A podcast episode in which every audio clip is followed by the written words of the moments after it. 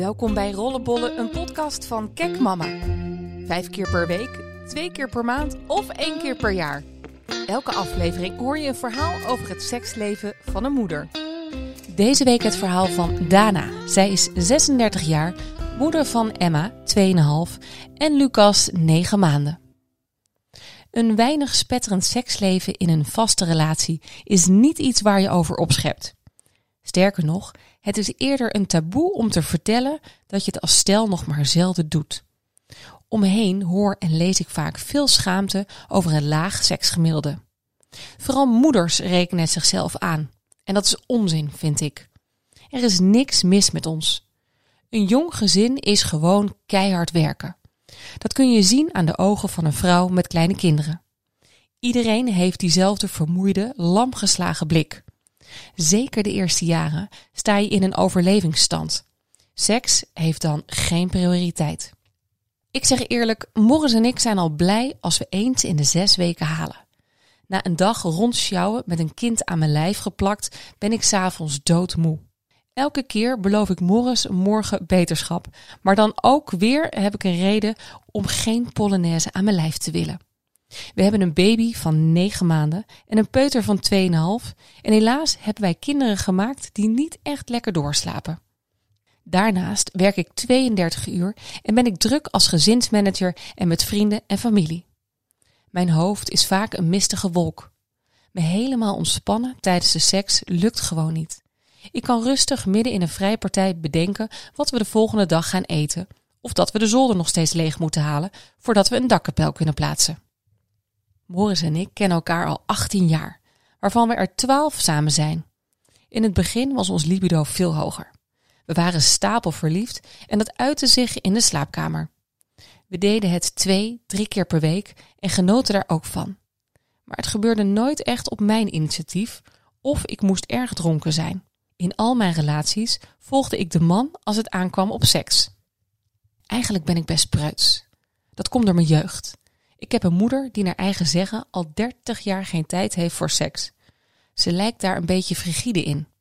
Aan de ene kant voeden ze me vrij en open op, met veel plastische kennis over het menselijk lichaam. Op mijn elfde wist ik bijvoorbeeld al alles over ongesteld zijn en hoe ik kon voorkomen zwanger te worden. Ze leerde me ook hoe ik met mannen mijn grenzen aan moest geven en altijd goed moest bepalen met wie ik wel of geen seks wilde hebben. Tegelijkertijd hoorde ik ook dat ik minstens zes maanden moet wachten voordat ik met een jongen het bed indook. Mijn ouders zijn al 40 jaar samen en heel happy. Maar volgens mijn moeder doen ze al 30 jaar niet meer aan seks. Ze vindt het blijkbaar maar niks. Ik heb dat ooit eens besproken met een psycholoog, waar ik voor iets anders kwam.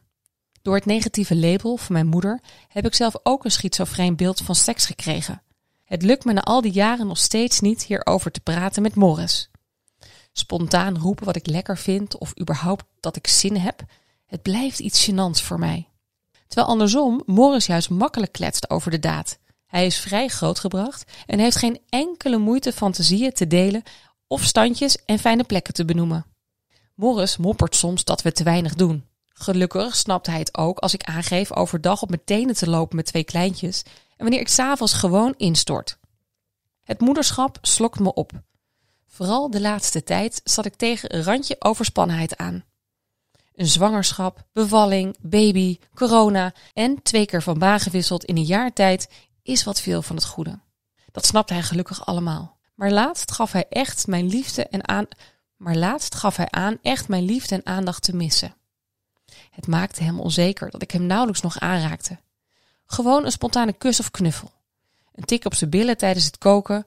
Even kroelen op de bank. Hij is namelijk een enorme knuffelkont. Ik vind dat heel naar om te horen. Want ik ben stapel gek op hem en ik vind hem heel aantrekkelijk. Ik wil hem absoluut geen rotgevoel geven. We hebben nu dus ook die intieme momenten weer geïntroduceerd in ons dagelijks leven. En dat helpt. Het zorgt gelijk al voor meer liefde en binding onderling. Maar de zin in seks is er bij mij niet extreem door aangewakkerd. Vroeger boekten we nog wel eens een dagje sauna of een weekendje weg. Maar vanwege corona hebben we dat ook al in maanden niet meer gedaan. Ik vind het lastig om in de stemming te komen. Vroeger waren mijn borsten speeltjes, nu zijn het werktuigen. Ze voeden onze zoon. Daarnaast zijn mijn bevallingen heftig geweest en ben ik bang dat penetratie pijn doet. En ik heb ook moeite met mijn hoofd leeg te maken en me te concentreren op wat ik doe. Ik lig altijd met een half oor te luisteren of er geen kind wakker wordt. Wat ook niet erg libido-verhogend is, is dat Lucas bij ons op de kamer slaapt. Ik houd mijn baby bewust tot het eerste jaar bij me in de buurt. Ook omdat ik langdurige borstvoeding geef. Maar daardoor is ons bed niet altijd beschikbaar voor actie. Ik vind het een beetje raar om te vrijen voor de ogen van de baby. En ik wil hem ook niet wakker maken. We hebben nu bedacht dat we maar wat gaan klooien met handdoek op de bank. Zo hebben we het de laatste keer gedaan en daar hebben we vreselijk om gelachen. De bedoeling was ook om het snel weer te herhalen. De wens was er bij ons allebei, maar we hebben het helaas nog niet waargemaakt.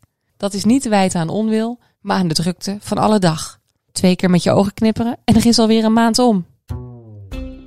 En dat was hem weer. Volgende week het verhaal van Linda. Linda komt na haar scheiding Thijs tegen en ze ontdekt weer hoe fijn seks kan zijn. Luister je weer mee?